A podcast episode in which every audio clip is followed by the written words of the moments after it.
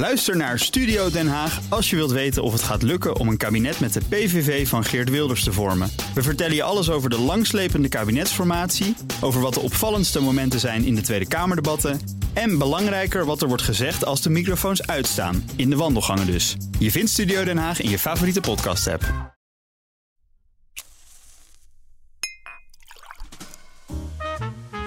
Seizoen 2 van De Stijlpastoor met Arno Kantelberg. Stijl maakt je leven zoveel mooier. Maar het gaat niet vanzelf. Je zult ervoor moeten werken. Niet gevreesd, de Stijlpastoor is er voor jou. Ik neem je mee langs de crème de la crème van Nederlandse kenners en makers. Op zoek naar die dingen die het leven glans geven. Van het mooiste horloge tot de meest smaakvolle wijn. Wat drink je? Wat draag je? En hoe doe je dat? Samen, beste Nederlandse man, komen we er wel.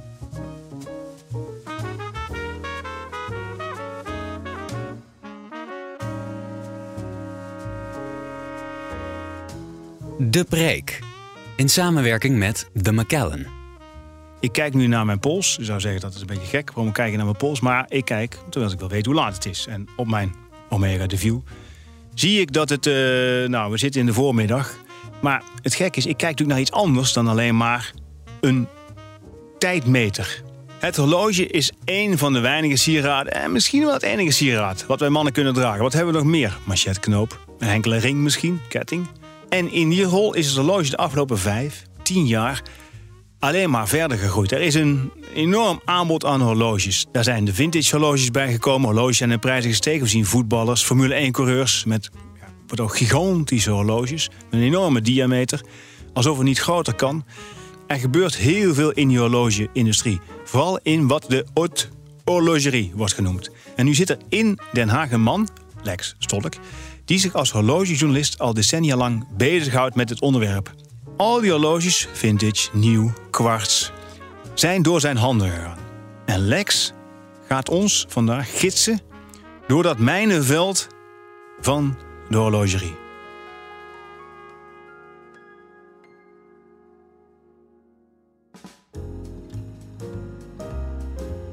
Het is een, een beetje een eh, nou ja, onverwachte locatie waar we zitten. Het is de Caballero fabriek. Althans, de voormalige Caballero fabriek. Ik, ik kijk nu vragen naar Lex Tolk. Die, eh, die zit naast mij. Caballero sigaretten met of zonder filter worden niet meer gemaakt. Het is nu een, een, een, een verzameling van creatieve nou, ondernemingen. Eh, Lex, Lex Tolk, jij zit hier als onderdeel van Fratello. Ja. Fratello Watches. Even kort schetsen wat dat is voor de mensen thuis.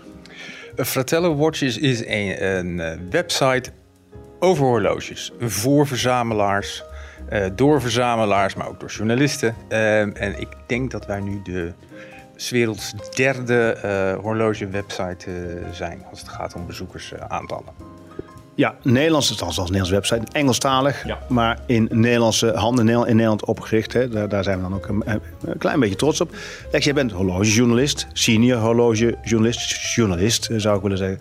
Eh, ook niet meer, nou ik wou zeggen ook niet meer de jongste, maar... dat klopt. ja, dat klopt. maar wanneer, eh, eh, hoe lang doe je dit nu? De horloges, hè? De horloges. Ja, ik denk toch al gauw, ik heb er vanochtend over nagedacht. Ja, toch wel al gauw een jaar of eh, twintig. Misschien, eh, ja, twintig. Jaar of twintig, 22, zoiets. Heb je dat ooit besloten of ben je erin gerold? ingerold. Min of meer, ja. Nee, niet besloten. Dat, eh, mijn, mijn liefde voor horloges bestond altijd al. Ook al toen ik, eh, toen ik journalistiek studeerde. Een hele ongemakkelijke combinatie om student te zijn en horlogeliefhebber. Dat is heel... eh, ja, dat, is, eh, dat, dat werkt eigenlijk niet, maar goed. Nee, want we hebben dat we zeker als journalistiek studeren in de. Dit is jaren 90, denk ik. Ja, dat je, dat, ik, Ja. daar zal er een links-anarchistisch element in. Ja, eh, zeker, zeker, zeker. Links-anarchistisch. Ehm, dus eh, de liefde voor mooie spulletjes eh, werd niet heel erg eh, geapprecieerd door, eh, door eh, medestudenten. Maar goed, eh, dat maakt ook allemaal niet uit. Had je een horloge toen? Eh, ja. Ja. Droeg je hem ook? ja, zeker. Ja. Wat was het voor een? Een Breitling. Een Breitling Super Ocean met een gele wijzerplaat. Nou, lekker eh, anoniem, hè? Ja. Ja, ik schaamde me nergens voor, dat is wel duidelijk. Is er, hè, ja, wij hebben gaan over die, die horloges, die, jouw eigen horloges, daar komen nog te spreken. Daar ligt hier ook een, echt een hele fraaie, die liet je me net al zien, een Mido eh, die eh, van je vader is geweest. Hè, daar gaan we echt zeker komen nog over te spreken. Mhm. Maar eventjes, de charme van horloges voor ons mannen, waar zit hem dat in? Ik denk dat. Nou, het, het is sowieso, eh, dat wordt natuurlijk heel vaak gezegd, het enige sieraad voor de man. Nou, dat is natuurlijk eh, zeer, te, zeer te betwisten. Maar ik denk dat voor veel mannen dat, eh, dat wel geldt. Dus het is in ieder geval ook een, een uitdrukking van, ja, je, je laat iets zien. Het is een accessoire. En daarbij denk ik komt dat, zeker als we het hebben over mechanische horloges, dat er een, een eh, dat, dat het mechanische aspect, het technische aspect, dat veel mannen dat aanspreekt. Dus je, je, je gaat toch al gauw eh, in de belevingswereld duiken, ook van, van auto's, van, eh, nou ja, wat heb je nog meer, wat mensen, oh, stereo-apparatuur, ik weet niet hoe, eh, buizen, versterkers, dat soort dingen. Er, zit, er zit- ook wel een zekere fascinatie voor het, eh, voor het technische aspect. En dan is het die combinatie van esthetiek en, en techniek, Ja. die, die met name ons, hè, ons mannen, zo aanspreekt. Ja, en ik denk wel dat tegenwoordig het eh, esthetische aspect steeds belangrijker wordt. Dat het wel echt sta, de, de status die een, eh, die een, eh, een luxe horloge kan geven, dat dat eh, steeds belangrijker wordt voor de moderne, de moderne man.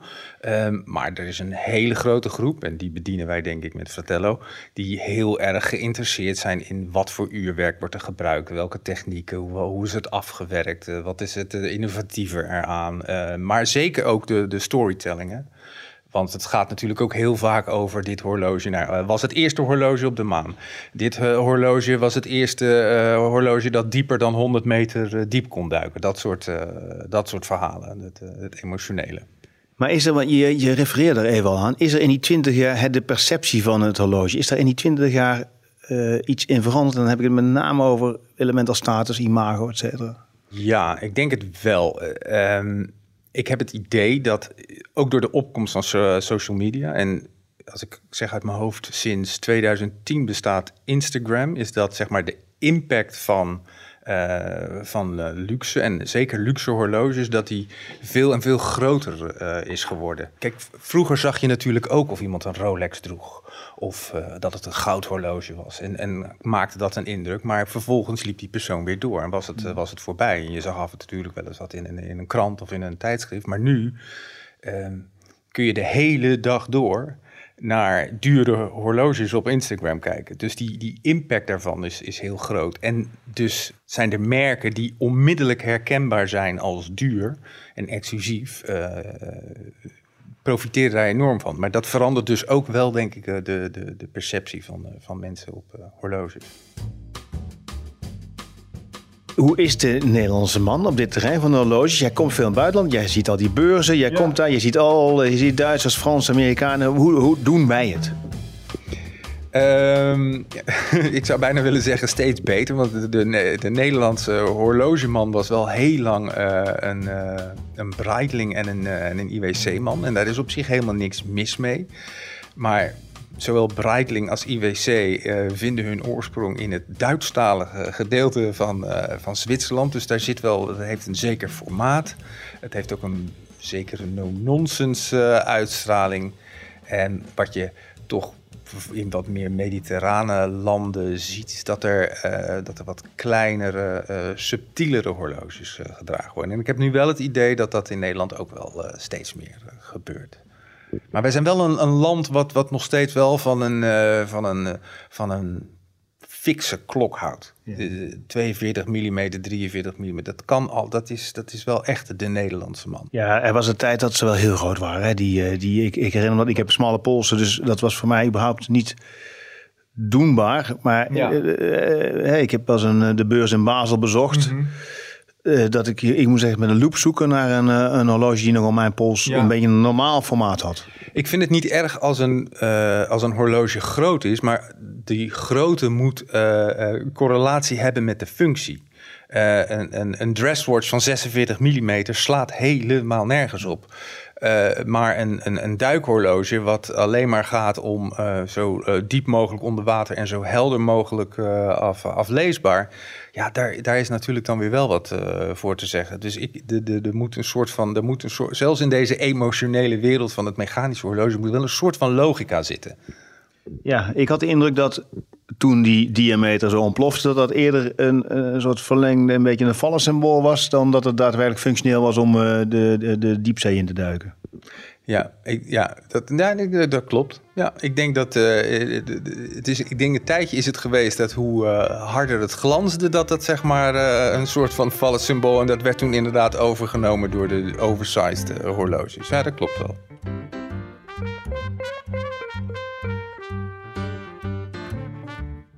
Ja, ik ga daar toch naartoe, naar, naar dat horloge en je hebt het meegenomen vandaag van je vader. Mm -hmm. Wil je het even bijpakken? Ja. je hebt een, een, een klein een etuietje. Een klein etuietje met, er zitten twee horloges in. Ja. Uh, dit is een speciaal etui voor de horloges, kunnen wij zien. En je haalt daar, ja, ik zou zeggen, een klein, best anoniem ja, ogend horloge uit. Ja, dat, dat, dat, dat is, dat is het ook. Wat zie je? Het is een, uh, het is een 34 uh, mm Mido Multifort in een, uh, in een stalen kastje met daarin zit een, een hand op te winden uurwerk. En de wijzers en de indexen en de kleine secondenwijzer zijn verguld. Een zwart leren bandje. Ja, dat bandje heb ik er later. dat is. het is het bandje is nieuwer dan het, dan het, dan het horloge, want het horloge is uit welk jaar? 57. 57. Mijn vader heeft dit gekocht in Monrovia, de hoofdstad van Liberia, waar hij een jaar of tien gewoond heeft. En hij, het, het verschrikkelijke verhaal is, is dat ehm, hij vertelt me altijd dat hij dit, dit horloge zag in een, in een filmcommercial voor een voorafstaande film. Mm um, it was a watch to dine with, to sport with and to love with, something like that. Um, en, maar dat hij op het vliegveld van Monrovia kwamen ook heel veel uh, Pan Am vliegtuigen. En die Pan Am piloten... Amerikaans ja. uh, luchtvaartmaatschappij bestaan niet meer, hè? Ehm, en Rolex maakte speciaal voor Pan Am piloten de GMT Master. Uh, en hij moest eigenlijk kiezen, want hij vond het eigenlijk wel een stoere, stoere Rolex. Hij dacht, ja, wat ga ik nou kopen? Ga ik die GMT Master of ga ik toch die Mido? Maar het was uiteindelijk uh, de romantische slogan die de doorslag uh, gaf.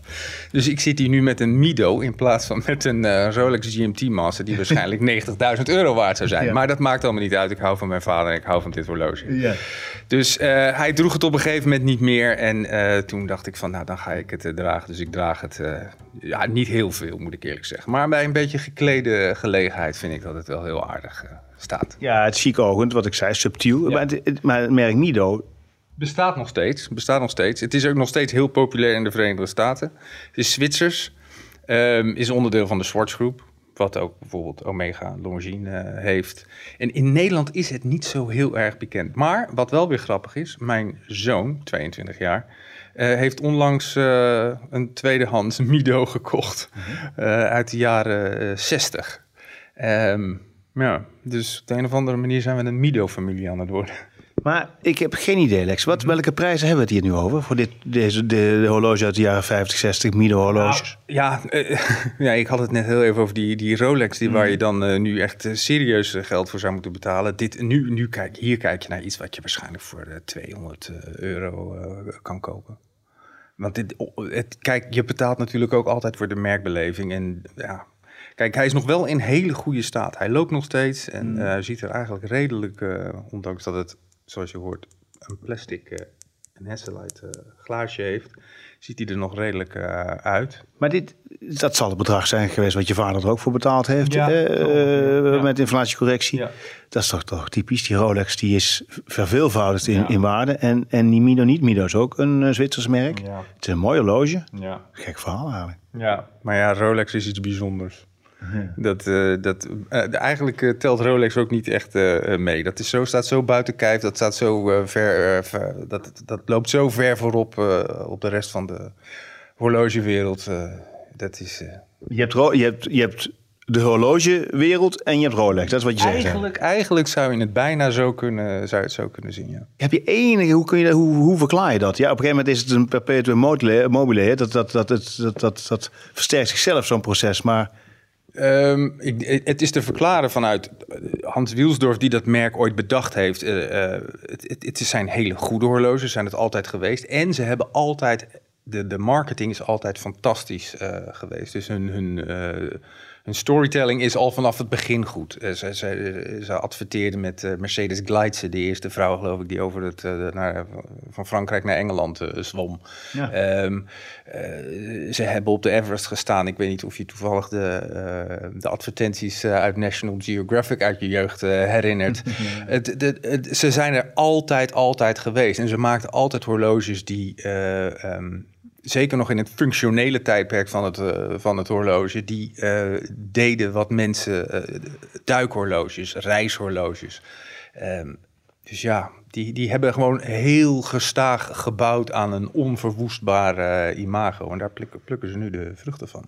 Ja, want dat is een aantal aspecten die je noemt. Hè. Ze zijn, het zijn goede horloges, ik draag een Omega. Dat, dat zijn ook altijd goede horloges. ja. Dus er zijn meer andere merken, horlogemerken, die dezelfde eigenschappen hebben. Maar ja, op de een of andere manier is, heeft eh, Rolex een tussensprint ingezet of zo. En die zijn niet meer in te halen. Ja, ik, ik, ik, ik Jij bent daar beter uh, in ingevoerd. Ik denk dat, het in, dat in de mode dat er, dat er ook uh, dat dit soort merken zijn die een soort van uh, onaantastbaarheid hebben, hebben verworven. En wat het nou precies is, je kan het, je kan het tot, een, tot een zekere hoogte kun je het duiden. En vervolgens wordt het, wordt het mystiek waarom het nu zo, zo prestigieus is. Het, is. Het is net als met, ook met, met handgemaakte schoenen. het is met heel veel zorg is het in elkaar gestoken. Want dat vergeten mensen nog wel eens tegenwoordig. En dat er gaat ook in een relatief eh, goedkoop of uh, bereikbaar mechanisch horloge gaan een heleboel handelingen. Er wordt toch wel echt met heel veel zorg en liefde aan die horloges gewerkt. Het is wel een heel delicaat uh, apparaat wat je uiteindelijk om de pols hebt. En daar mag je best, daar mag je best goed voor zorgen. En dan in principe, als je ook goed voor je horloge zorgt, gaat het ook echt onwaarschijnlijk uh, lang mee. Het is wat dat betreft bijna een perpetuum eh, mobile als je het maar uh, met liefde behandelt. Ja, jij bent in die ateliers geweest van uh, IWC, Rolex, ja. Breitling. in Zwitserland. Jij, bent, jij, jij hebt daar de witte stofjassen zien zitten. Ja, ja, ja, ja zeker. Ja. En uh, kijk, het is natuurlijk wel zo dat uh, naarmate je hoger op de piramide terechtkomt van de autoleoserie, dat er meer en meer uh, liefde en aandacht aan besteed wordt. Maar ik was bijvoorbeeld niet heel erg lang geleden bij Roger Dubuis. Dat zit in Genève. Dat is een, uh, een horlogemerk dat ooit opgericht is door de horlogemaker Roger Dubuis in 1995. En die maken zeer, zeer extravagante, uh, zeer gecompliceerde horloges.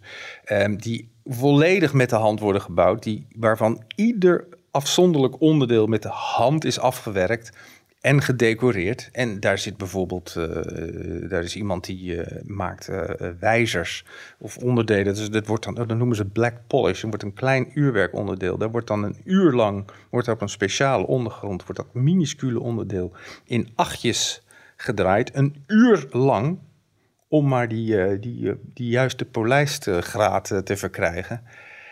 Ja, dat, hm? dat zijn. Ja, en, dat, en dat onderdeel zie je waarschijnlijk niet. Nee. Maar ja, dat is, dat is wat erachter zit. Dat is de ehm, wetenschap. Ja, toch? De, ja, van, het, van het ambachtelijke. Ja, dat is de magie van. Uh, van uh, dat is ja. De, de, de ongrijpbare emotie uh, die uiteindelijk hmm. dit maakt. Hmm. Mooi, ja. Mooi gesproken. Hè?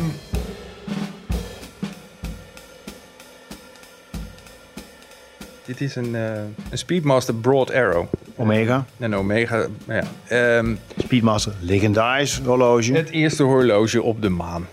Uh, inderdaad. Maar dit is dan een, een, een, versie die daar nogal van afwijkt. Deze is geïnspireerd op de aller, allereerste uh, Speedmasters. En heeft dus ook een andere, een andere wijzer. Deze heeft een zogenaamde Broad Arrow wijzer. In plaats van die witte stickhands die je normaal gesproken ziet op een Speedmaster. En deze de bezel, de lunette, de ring die om het uh, horloge zit, de tachymeterschaal is in deze is ook gewoon staalkleurig in plaats van uh, zwart. Dus dit was de originele Speedmaster. Ja, ja. Dus, ja, dus dit is een, um, het is een klein beetje een. Uh, dit, dit, dit, model heette oorspronkelijk toen het uitkwam in 97, deze is uit 2001, heette die replica. Dat is natuurlijk een verschrikkelijk slechte naam. Maar dat geeft ook aan dat ze toen de tijd er nog helemaal niet zo heel erg mee bezig waren.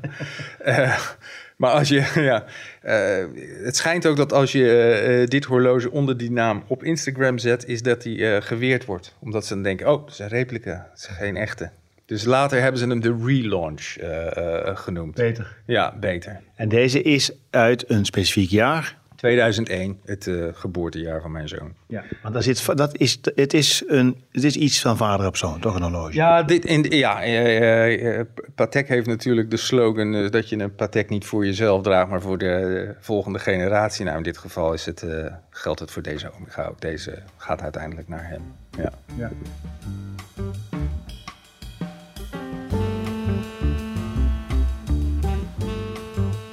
Nu, mannen luisteren nu en denken, ja, ik, ik heb dat enthousiasme ook al voor een horloge. Maar ja, de, de keuze is reuze. Wat moet ik in hemelsnaam kopen? Ik heb een klein budgetje. Waar begin ik? En vooral waar eindig ik? Nou, ik, wat, ik, wat ik zelf het belangrijkste vind. Kijk, tegenwoordig gaat alles over geld, ook in de horlogewereld. En dat, daar word ik wel eens een beetje vervelend van. Dan krijg je eh, de vraag van een, eh, een vriendin laatst vroeg aan mij: eh, Mijn moeder wordt eh, 65, eh, we willen iets voor haar kopen. Weet je iets wat een beetje zijn waarde behoudt? Wat een beetje een goede investering is. Dan denk ik, ja, maar misschien moet je iets kopen wat je moeder mooi vindt. Misschien is dat, moet je het op die manier eh, aanvliegen. En eh, ja, er zijn inderdaad horloges die hun waarde heel goed behouden.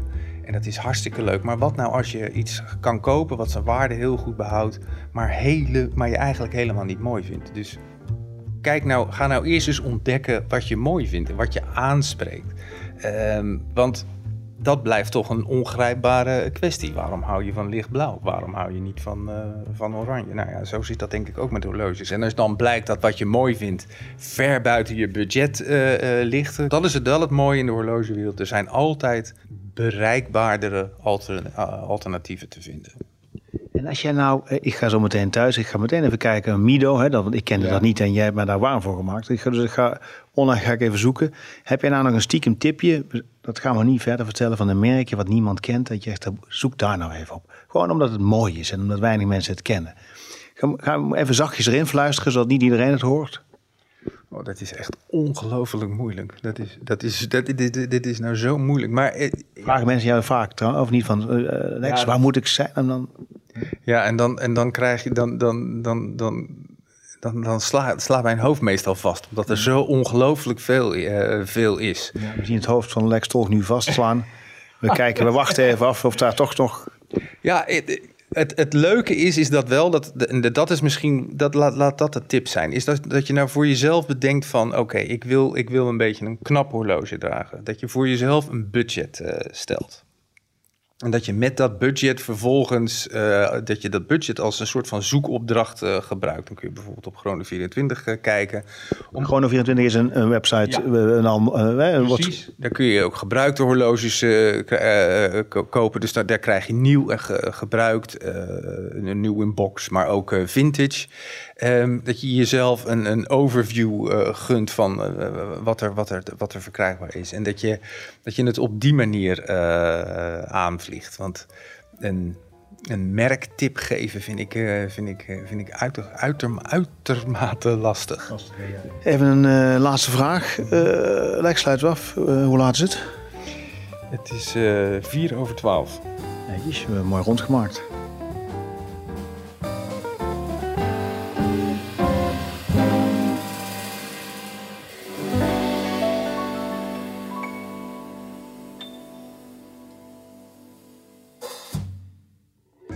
Tijd voor een commerciële boodschap.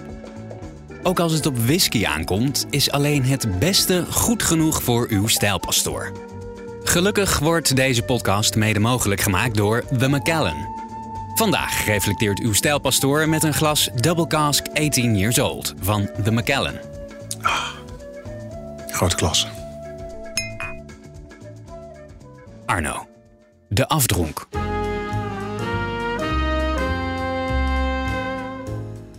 Wijze woorden van Lex Tolk. Wat hebben we geleerd? Als jij een horloge wil kopen, stel dan voor jezelf een budget. En ga dan op zoek en kijk verder dan alleen maar de grote namen. Denk aan de Mido, die Lex Tolk zelf draagt. Mooi horloge.